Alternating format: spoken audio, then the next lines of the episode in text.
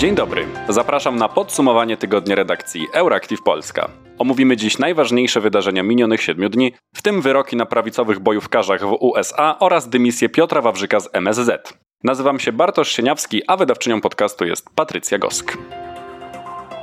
6 września końca dobiegło zgłaszanie list wyborczych do Państwowej Komisji Wyborczej. Zarejestrowano sześć komitetów ogólnokrajowych: PiS, Koalicja Obywatelska, Lewica, Trzecia Droga, Konfederacja i bezpartyjni samorządowcy. Na listach wyborczych komitetów znajduje się kilka ciekawostek. Z list PiS wystartuje m.in. Łukasz Mejza, były wiceminister sportu, zdymisjonowany w warunkach skandalu po tym, jak na jaw wyszło, że za pieniądze obiecywał leczenie nieuleczalnie chorym osobom metodami nie mającymi żadnych wartości medycznych. Jako ostatni numer na liście PiS w Radomiu pojawi się Robert Bąkiewicz, radykalnie prawicowy lider narodowców, który w wyniku prywatnych sporów i afer w ostatnim czasie stał się persona non grata nawet pośród konfederatów.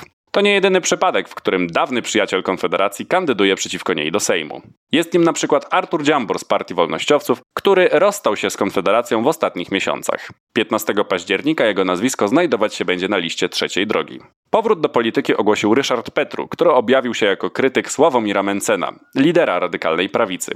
Były przewodniczący Nowoczesnej również startuje z list trzeciej drogi. Tymczasem na listach wyborczych KO możemy znaleźć Romana Giertycha, byłego wicepremiera w pierwszym rządzie PiS. Znany ze swojego negatywnego podejścia do aborcji Giertych znalazł miejsce na listach partii Donalda Tuska, pomimo jego obietnic, że koalicja nie wystawi do wyborów osób niepopierających legalizacji przerywania ciąży.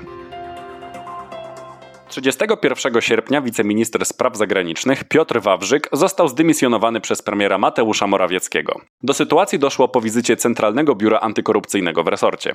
Premier nie ujawnił, czego dotyczy śledztwo, ale przyznał, że dymisja Wawrzyka nastąpiła, aby rozwiać wszelkie wątpliwości. Oficjalnym jej powodem był brak zadowalającej współpracy. Media donoszą, że w MSZ pojawiły się przesłanki o aferze korupcyjnej przy wydawaniu wiz pracownikom z Azji, w którą Wawrzyk mógł być zaangażowany. Co ciekawe, to właśnie wiceminister miał odpowiadać za utworzenie 400 okręgów wyborczych dla Polonii w zaplanowanych na 15 października wyborach. Sprawa głosowania Polaków przebywających za granicą pozostaje niejasna, choć czasu do wyborów coraz mniej. Po fali pożarów, które nawiedziły kraj latem, Grecja zmaga się obecnie z ulewnymi deszczami. W niektórych regionach Peloponezu spadło w ciągu kilku dni więcej deszczu na metr kwadratowy niż roczna średnia opadów w Polsce. W wyniku kataklizmu śmierć poniosła jedna osoba, którą porwał rwący potok. Druga jest poszukiwana. Zalaniu uległ m.in. szpital w mieście Volos na wschodzie kraju. Ulewy mają jednak też miejsce na zachodzie, greckiego półwyspu.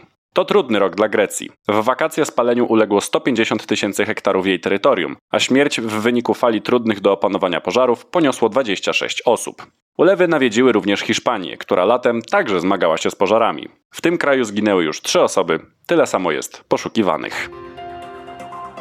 Śledztwo w sprawie afery korupcyjnej Qatargate trwa. W tym tygodniu Parlament Europejski poinformował, że włączył się do sprawy jako strona społeczna i będzie brał udział w ustaleniu prawdy w sprawie skandalu. Przypomnijmy, że Qatargate to medialna nazwa afery, w której niektórzy europosłowie oskarżeni są o branie łapówek od lobbystów państw Afryki i Bliskiego Wschodu, w zamian za głosowanie z korzyścią dla opłacających je krajów. Do pracy, to jest do zasiadania w Europarlamencie, wrócili już deputowani podejrzani w sprawie. Grecka była wiceprzewodnicząca Parlamentu Europejskiego Ewa Kaili oraz Włoch Antonio Panzeri. W ubiegłym tygodniu w nieruchomości syna jednej z eurodeputowanych, Marii Areny, policja znalazła 280 tysięcy euro niewiadomego pochodzenia. Nie wiadomo, czy pochodzą ze źródła powiązanego z Qatargate. Sama europosłanka nie jest oficjalnie o nic oskarżona, ale jej nazwisko przewija się w danych śledztwa.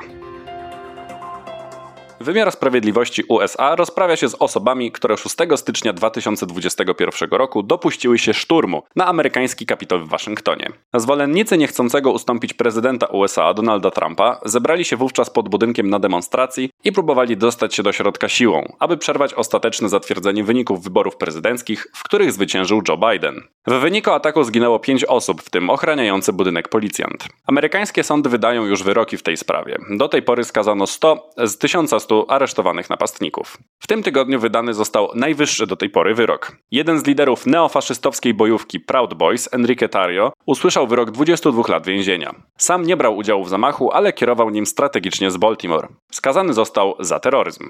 W ubiegłym tygodniu wyrok usłyszał też inny przywódca Proud Boys, Joe Biggs, spędzi w więzieniu 17 lat, a kolejny przedstawiciel wierchuszki dumnych chłopców, Ethan Nordin, 18.